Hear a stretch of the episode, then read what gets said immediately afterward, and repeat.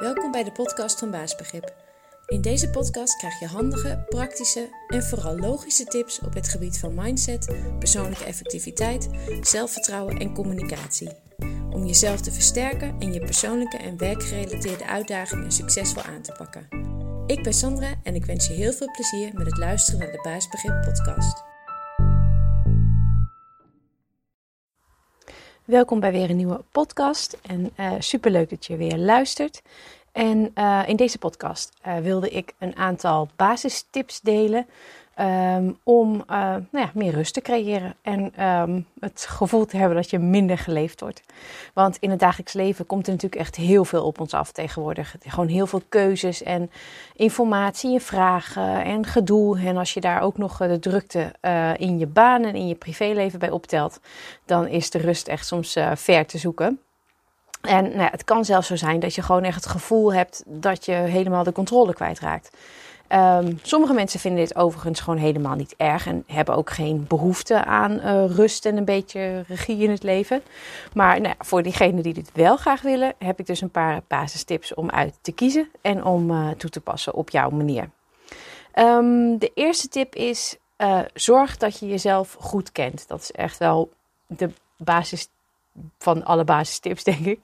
Um, uh, want het is gewoon super belangrijk dat je jezelf goed kent. En dan met name als je het over het creëren van rust hebt, dat je gewoon uh, weet hoe jij de dingen het liefste aanpakt. En dat je het ook op zoveel mogelijk, uh, dat je het ook zoveel mogelijk toepast. Um, en wees je ook gewoon bewust van wat jouw energie kost, wat geen energie kost, wat energie oplevert. Zodat je daarmee um, met die kennis dus ook weet hoe je nou ja, in energie slurpende en energie opleverende dingen, hoe je daarmee moet balanceren. En dat je dus soms ook een beetje moet compenseren. Uh, de tweede tip gaat over uh, het um, zelf, voor jezelf even kritisch bepalen welke meldingen jij uh, op aanzet op allerlei apparaten. Dus denk hierbij bijvoorbeeld aan de ringtoon op je telefoon. Of de geluidjes als er een bericht binnenkomt. Of die rode bolletjes bij allerlei apps met hoeveel ongelezen berichten uh, voor je klaarstaan. Um, dus um, weet je wel, of, of bijvoorbeeld de pop-up uh, onderin de taakbalk als er een nieuwe mail binnenkomt. Dus eigenlijk gewoon al die dingen waarbij een programma of een app jou erop wil wijzen dat je nog iets moet doen. En dat wil je natuurlijk eigenlijk niet.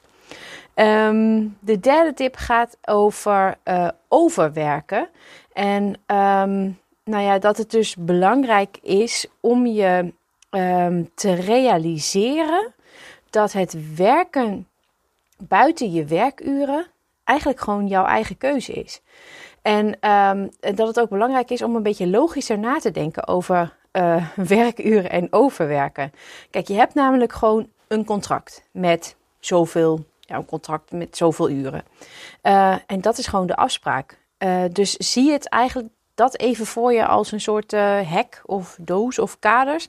Daarbinnen moet het gebeuren. Daarbinnen moet jij het werk gewoon kunnen doen. En dat is gewoon niet anders.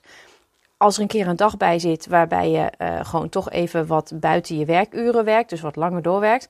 Uh, nou ja, dat, dat kan een keer gebeuren, maar denk daar ook logisch over na en compenseer het dan gewoon op een ander moment. Want als jij structureel denkt de keuze te moeten maken om in je eigen tijd te werken, dan is er gewoon iets mis met de hoeveelheid aanbod van werk. Of met de effectiviteit van jouw manier van werken. Of de manier waarop je prioriteert. Dus daar zit de oplossing. En niet in langer werken. Um, beetje in het verlengde daarvan, en het gaat over, is de vierde tip eigenlijk: doe aan verwachtingmanagement naar de buitenwereld toe. Um, uh, en zet dus je afwezigheidsmelding aan als je vrij bent. En eigenlijk belangrijker nog, houd jezelf daar ook aan. Als je namelijk toch gaat reageren tijdens, uh, terwijl dus die afwezigheidsmelding aanstaat, ja, dan, dan snapt echt niemand er meer wat van. Want ja, uh, ze krijgen eerst een bericht dat je er niet bent en vervolgens reageer je. En um, nou ja, dan gaan mensen natuurlijk ook denken van... oh, nou, die en die, die uh, reageert eigenlijk altijd wel. Die kan ik wel blijven mailen, ook in de, uh, in de, vrije tijd. Um, dus dan blijft iedereen je gewoon bestoken met vragen. Dus zet je afwezigheidsmelding aan als je er niet bent en houd je er zelf ook aan. een vijfde tip is, um, plan alles in. In een agenda of in een to-do-lijst. Ehm, wat voor systeem jij ook maar gebruikt, maakt niet uit. Papier, digitaal, wat jij gewoon fijn vindt. Ehm, dit zorgt er ten eerste voor dat je gewoon niet alles in je hoofd hoeft te onthouden. Ehm, maar het is ook logisch om overal overzichtelijk tijd voor in te ruimen in jouw agenda, in jouw dag. Want alle dingen, of he, dingen die je moet doen, alles kost tijd. Niets kan er gewoon zomaar een beetje bij. En je hebt gewoon maar zoveel uren uh, in een dag. Dat geldt voor privé dingen, zoals het huishouden doen of bepaalde afspraken. En let daarbij ook op reistijd. En het geldt zeker ook voor dingen op je werk. Dus stel dat je een overleg hebt, dan zet je die natuurlijk in je agenda.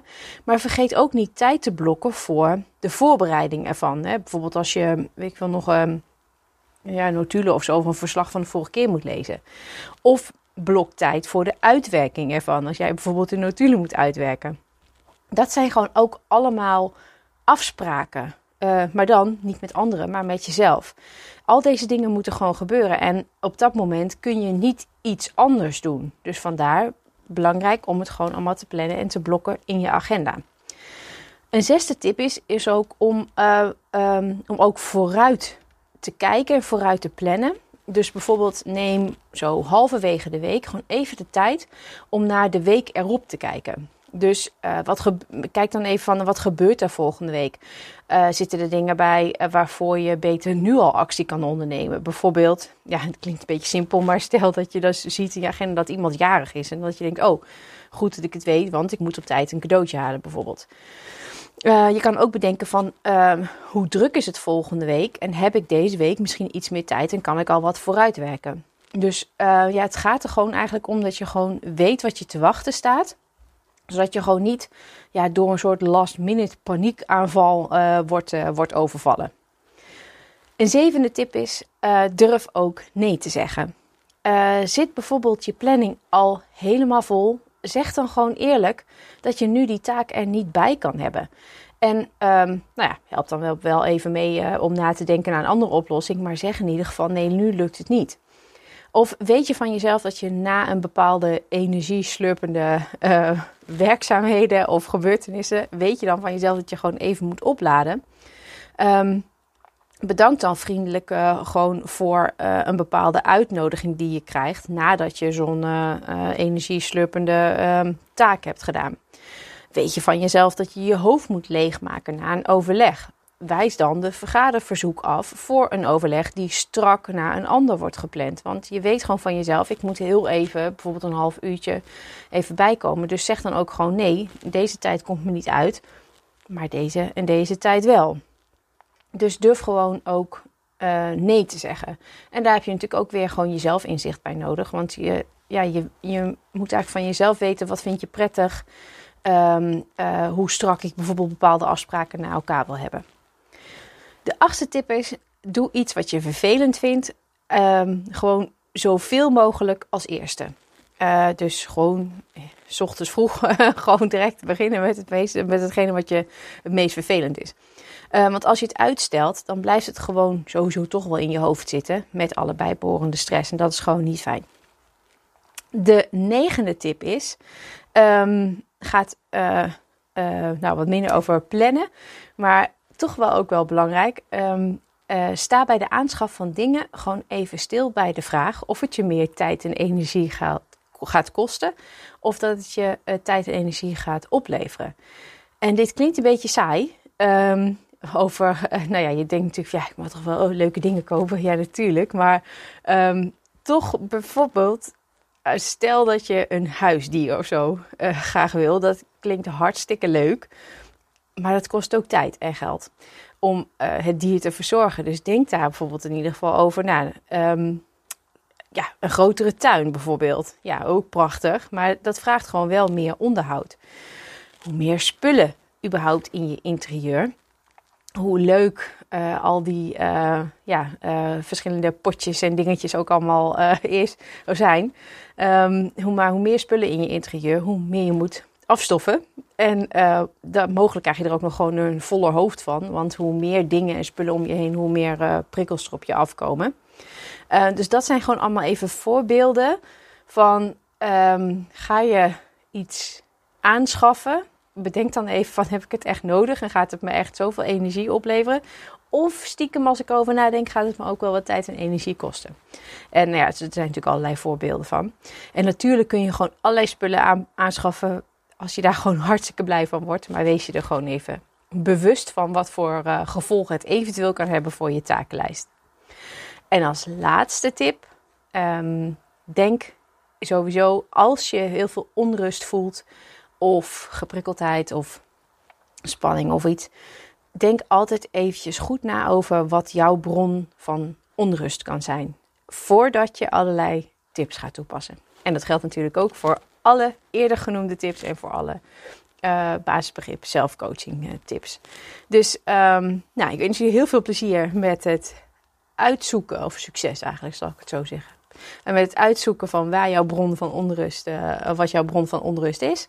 En dan met het uitkiezen van de tips die daarbij passen. En hopelijk uh, levert je dat dan wat meer rust op. tot een volgende podcast.